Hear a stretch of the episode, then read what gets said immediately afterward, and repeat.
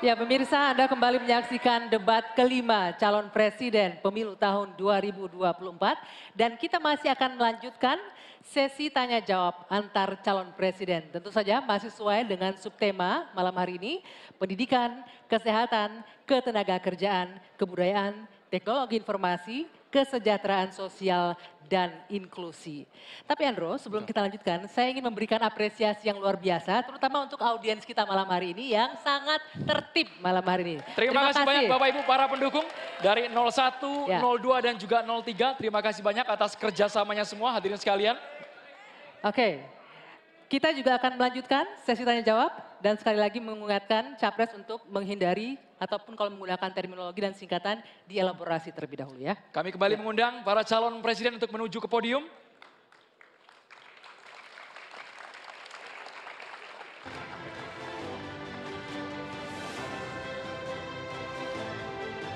Hadirin sekalian dan juga pemirsa, di awal segmen ini calon presiden nomor urut 3, Bapak Ganjar Pranowo akan memberikan pertanyaan kepada calon presiden nomor urut 2, Bapak Prabowo Subianto.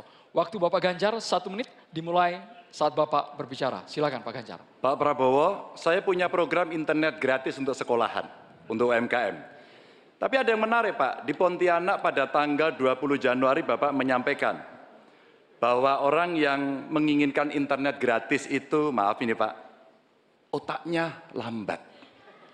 Padahal biasanya mereka otaknya cemerlang gitu. Di sisi lain, ketika Bapak menyampaikan itu, cawapres Bapak bicara IoT, hilirisasi digital, dan banyak program yang sebenarnya eh, berbau digital. Padahal Pak, dengan internet eh, gratis dan coveragenya bagus, ini bisa mengatasi kesenjangan. Data pendidikan, kesehatan, kemiskinan, hampir semuanya ada. Nah, ini dari BPS juga sudah menyampaikan Pak bahwa eh, kondisi ketimpangan digital ini sangat tinggi di tempat kita. Pertanyaan saya kepada Pak Prabowo, setuju tidak Bapak untuk memperbaiki ketimpangan digital ini dan bagaimana Waktunya habis, caranya? Bapak. Waktunya habis Bapak. Kami persilakan.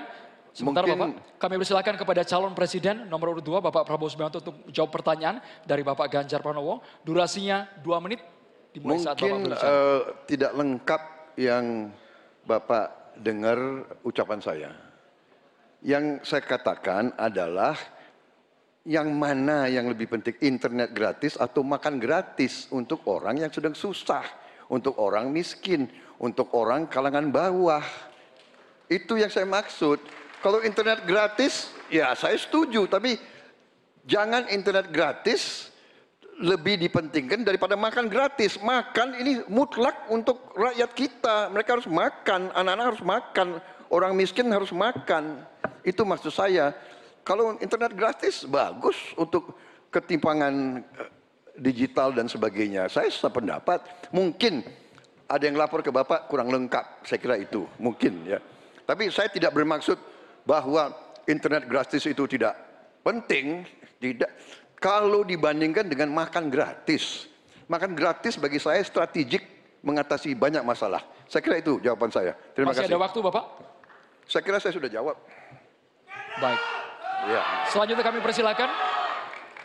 Mohon tenang hadirin sekalian, kami persilakan kepada calon presiden nomor urut 3, Bapak Ganjar Pranowo untuk menanggapi Inilah hebatnya kalau coverage Bapak. internetnya bagus, Pak. Jejak digital tidak akan pernah hilang, Pak Prabowo. Maka statement Bapak yang hari ini mencoba mengklarifikasi rasa-rasanya di publik sudah lewat, Pak. Karena pertanyaan Bapak itu sangat clear dan membandingkan itu. Maka kalau kita berbicara bahwa orang yang pilih internet gratis eh, otaknya maaf lambat, saya kira statement itu sangat sadis. Dan tentu saja apa yang mesti kita lakukan Pak? Ada kurang lebih 12 ribu desa yang masih blank spot. Padahal kita ingin mendigitalisasi banyak hal untuk memberikan fasilitas. Ya pendidikan, ya kesehatan, ya. Dan dua kementerian ini yang kita siapkan hari ini untuk jadi contoh. Kenapa? Karena relatif datanya lengkap. Kalau kemudian kita ingin membuat negara ini maju jauh lebih cepat. Terima kasih. Kami persilakan kepada Capres nomor urut 2, Bapak Prabowo untuk menanggapi jawaban dari Bapak Ganjar Pranowo. Waktu Bapak satu menit dimulai saat Maaf Pak. Ganjar, saya tegaskan kembali. Dalam konteks internet gratis, kalau dibandingkan dengan makan gratis, mana yang lebih diprioritaskan? Maksud saya adalah makan gratis diprioritaskan. Bukan berarti internet gratis tidak penting. Sama sekali tidak. Saya apabila jadi presiden, saya akan bawa internet gratis ke seluruh desa di seluruh Indonesia. Jelas itu. Tapi makan gratis untuk anak-anak Indonesia dan ibu-ibu hamil itu strategik, itu utama bagi saya. Terima kasih. Masih ada waktu Bapak ingin dimanfaatkan? Cukup? Cukup. Ya, selanjutnya kita akan beralih ke Capres nomor urut 1, Pak Anies Baswedan yang akan bertanya ke Capres nomor urut 3, Pak Ganjar Pranowo. Silakan Pak Anies pertanyaannya dimulai satu menit dari Anda berbicara.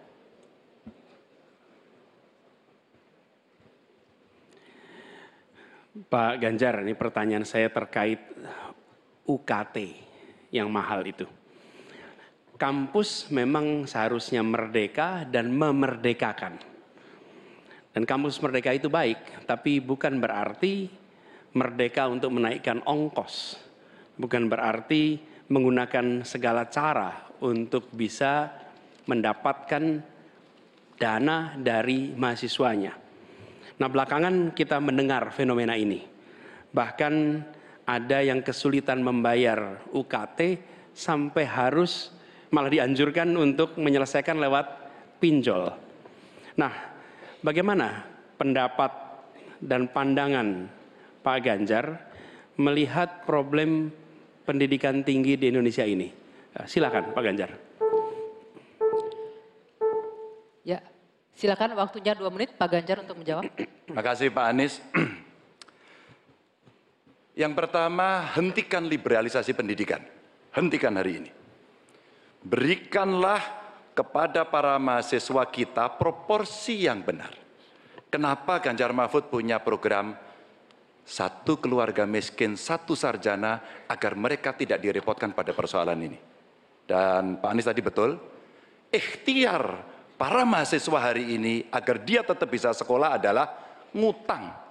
Dan pinjol ternyata menjadi problem dan saya sepakat kami diskusi beberapa waktu lalu dengan para mahasiswa di Jogja, ini menjadi cerita utama. Pak Ganjar, apa kemudian yang bisa kita dapatkan ketika kemudian kita harus memacu diri agar nasib kami jauh lebih baik? Karena kami tidak bisa mendapatkan akses yang mudah di situ. Saya ingin mengangkat kembali sebenarnya. Dulu era senior-senior saya, senior-senior kita saya kira, termasuk kakak saya sendiri. Dia punya KMI kalau tidak salah waktu itu. Kredit Mahasiswa Indonesia. Dan kalau tidak salah kakak saya sampai hari ini ijazahnya tidak pernah diambil juga. Karena itu dia lulus menggunakan kredit yang sangat murah, diberikan skim oleh pemerintah dan modelnya seperti Yarnen, bayarnya setelah panen. Panennya apa? Ketika dia sudah lulus. Maka liberalisasi yang mesti dihentikan ini menurut saya mesti juga diimbangi dengan proporsionalitas kepada mana yang mampu dan mana yang kurang mampu. Yang kurang mampu mesti mendapatkan intervensi dari pemerintah dan tentu saja eh, apa yang mesti dikerjakan oleh perguruan tinggi pun dia harus bisa menunjukkan bahwa eh UKT ini dengan klaster-klaster pembiayaan seperti ini diperuntukkan untuk kalangan yang memang sesuai dengan strata mereka. Begitu. Cukup? Baik. Saya berikan kesempatan berikutnya untuk Pak Anies menanggapi jawaban dari Capres nomor 3. Satu menit, silakan dimulai dari Anda bicara. Ya, terima kasih. Bagus Pak Ganjar. Kami teruskan. Jadi kami melihat pendidikan tinggi sebagai supplier pembentukan kelas menengah Indonesia. Negara harus menempatkan pendidikan tinggi itu sebagai eskalator sosial ekonomi. Jadi kalau cara pandangnya begitu, maka biaya pendidikan tinggi ada dua penyedianya. Satu orang tua, satu negara. Nah unsur negara harus lebih besar. Negara ambil alih biaya itu. Bukan justru malah dibebankan ke universitas. Supaya apa? Dosen, pimpinan universitas bekerja pada pendidikannya, pengajarannya, penelitiannya, pengabdian masyarakat. Biayanya negara yang masuk. Ini sebagai investasi. Nanti negara itu dapatnya pendapatan dari mana? Ketika mereka menjadi kelas menengah, mereka bekerja, mereka memberikan pajak bagi negara, tapi bukan pendapatan ketika mereka sedang sekolah. Jadi negara menciptakan universitas sebagai eskalator sosial ekonomi. Itu kira-kira juga dilakukan. Baik, kami berikan kesempatan terakhir untuk Capres nomor urut 3 memberikan tanggapan dari respon Pak Anies. Silakan Pak Ganjar satu menit dari Anda berbicara. Kalau kita ingin membangun dan basisnya adalah sumber daya manusia, saya kira tidak boleh diingkari bahwa betul pendidikan adalah investasi. Jangan dihitung-hitung sebagai sebuah kos. Maka kalau kemudian saya mau berbagi pengalaman di Jawa Tengah, kenapa saya cari keluarga miskin agar anaknya bisa sekolah langsung kerja kami mulai dari SMK karena Alhamdulillah kami mampu untuk mengcover itu. Ada SMK Jateng, mereka sekolah tiga tahun dan lulus. Kami ingin tingkatkan ini. Ke mana? Ke perguruan tinggi. Agar mereka kemudian bisa jauh lebih baik lagi. Dengan cara itu, ruang-ruang publik kehadiran negara khususnya dalam bidang pendidikan inilah yang bisa kita berikan kepada mereka. Hari ini yang kita tuju adalah bagaimana kebijakan ini berpihak kepada yang lemah. Apakah itu si miskin, apakah itu kelompok perempuan, apakah itu penyandang disabilitas. Sehingga mereka bisa mendapatkan akses pendidikan tinggi dengan murah. Baik, silakan selanjutnya. Selanjutnya hadirin sekalian, calon presiden nomor urut 2 Bapak Prabowo Subianto kami persilakan untuk bertanya kepada calon presiden nomor urut 1 Bapak Anies Baswedan. Waktu Bapak satu menit dimulai saat Bapak berbicara. Uh, Pak Anies kita mengerti tadi bahwa uh, angka uh, kematian atau usia uh, hidup Indonesia termasuk cukup uh, memprihatinkan dan ini masalahnya adalah karena kekurangan dokter. Uh, apakah Bapak setuju dengan uh, gagasan saya untuk secara uh, besar-besaran mengirim 10 ribu anak-anak kita ke luar negeri dengan beasiswa penuh untuk belajar kedokteran dan sains, teknologi dan engineering mathematics uh, sebagai langkah uh, darurat untuk mengatasi kesulitan ini dalam waktu yang sesingkat-singkatnya. Terima kasih. Masih ada waktu Bapak? Cukup? Silakan Bapak Anies Baswedan untuk langsung menjawab pertanyaan dari Bapak Prabowo Subianto. Waktu Bapak dua menit untuk menjawab, silakan. Iya, prinsip untuk meningkatkan kompetensi kami setuju Pak. Karena kompetensi yang meningkat bagaimanapun juga akan bermanfaat. Nah isunya adalah kita harus melihat apa yang menjadi urgen hari ini. Dan di situ harus berbicara dengan siapa? Berbicara dengan stakeholder. Negara punya kewenangan, tapi sekali lagi pengetahuan dan situasi di lapangan kita harus berbicara dengan stakeholder. Siapa itu? Asosiasi profesi, kemudian Kementerian Kesehatan, dinas di daerah, kemudian para aktivis, para pengamat, para pakar, kumpulkan datanya, lihat apa yang menjadi kebutuhan, sehingga kita bukan meloncat langsung ini adalah yang dibutuhkan. Kenapa? Karena sering kali yang kita anggap sebagai kebutuhan belum tentu di lapangan itu menjadi kebutuhan. Tapi prinsip pengembangan kompetensinya setuju Pak. Dan bila memang diharuskan untuk belajar ke luar negeri, maka go ahead. Tapi bila dibalik, profesor yang dibawa ke sini, institusinya dibawa ke sini juga tidak masalah. Karena dengan begitu proses belajar itu akan terjadi. Jadi kami melihat pengembangan kompetensi itu baik. Jangan tapi ya, tapinya memastikan sesuai dengan data yang ada supaya apa yang kita investasikan bisa menjawab kebutuhan. Jadi ada unsur pentingnya, ada unsur urgensinya. Kita kerjakan mana? Yang dapat dua-duanya, yang urgen dan yang penting supaya hasilnya bisa langsung kita manfaatkan untuk Indonesia. Begitu jawabannya kira-kira Bapak. Terima Masih kasih. ada waktu Bapak? Cukup? Ingin dimanfaatkan? Kami persilakan kepada Bapak Prabowo untuk langsung menanggapi jawaban dari Bapak Anies Baswedan. Waktu Bapak satu menit. Baik, saya kira Pak Anies, uh, saya kira masalahnya adalah uh, datanya sudah cukup jelas bahwa kita kekurangan 140 ribu dokter. Sebagai contoh, di Atambua ada satu rumah sakit yang seharusnya ada 16 dokter, dokternya hanya satu orang. Jadi dia dia kewalahan. Dia harus melayani tiga kabupaten. Jadi eh, bagaimanapun eh, pemerintah saya kira harus ambil tindakan-tindakan yang cukup darurat. Dan untuk itu menurut kami ya kita harus ambil langkah-langkah berani mengirim sebanyak mungkin. Tapi saya setuju juga mengundang profesor-profesor untuk mengajar di kita.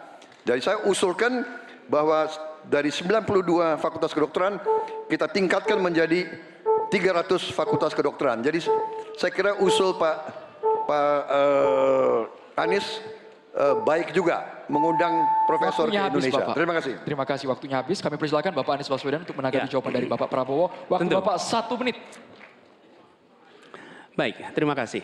Jadi, in- tapi ini juga Pak Prabowo yang saya hormati, kita banyak memberikan perhatian pada aspek kuratifnya. Itu memang betul, harus dikerjakan. Tapi jangan lupa aspek preventifnya. Dan ketika bicara as- aspek kuratif ada dua. Satu adalah soft infrastructure, tadi tenaga medisnya. Yang kedua hard infrastructure-nya. Apa itu? Misalnya nih, 15 dari 38 provinsi belum memiliki rumah sakit kelas A. Ini harus dibangun. Kemudian 171 kecamatan di 8 provinsi ini belum memiliki puskesmas. Jadi kita harus memikirkan dua-duanya Pak. Soft infrastructure, manusianya, hard infrastructure, dan jangan lupa itu semua adalah efek dari pola hidup yang tidak salah satunya efek pola hidup yang tidak sehat. Tidak sehat karena itulah promotif preventif itu penting sehingga kita tidak hanya mengobati tapi juga mencegah. Demikian. Baik, Ya. terima kasih Bapak. Baik, berakhir sudah sesi tanya jawab antar calon presiden. Kita masih akan lanjutkan lagi, tapi silakan beri tepuk tangan yang meriah dulu untuk sesi tanya jawab tiga calon presiden ini. Oke.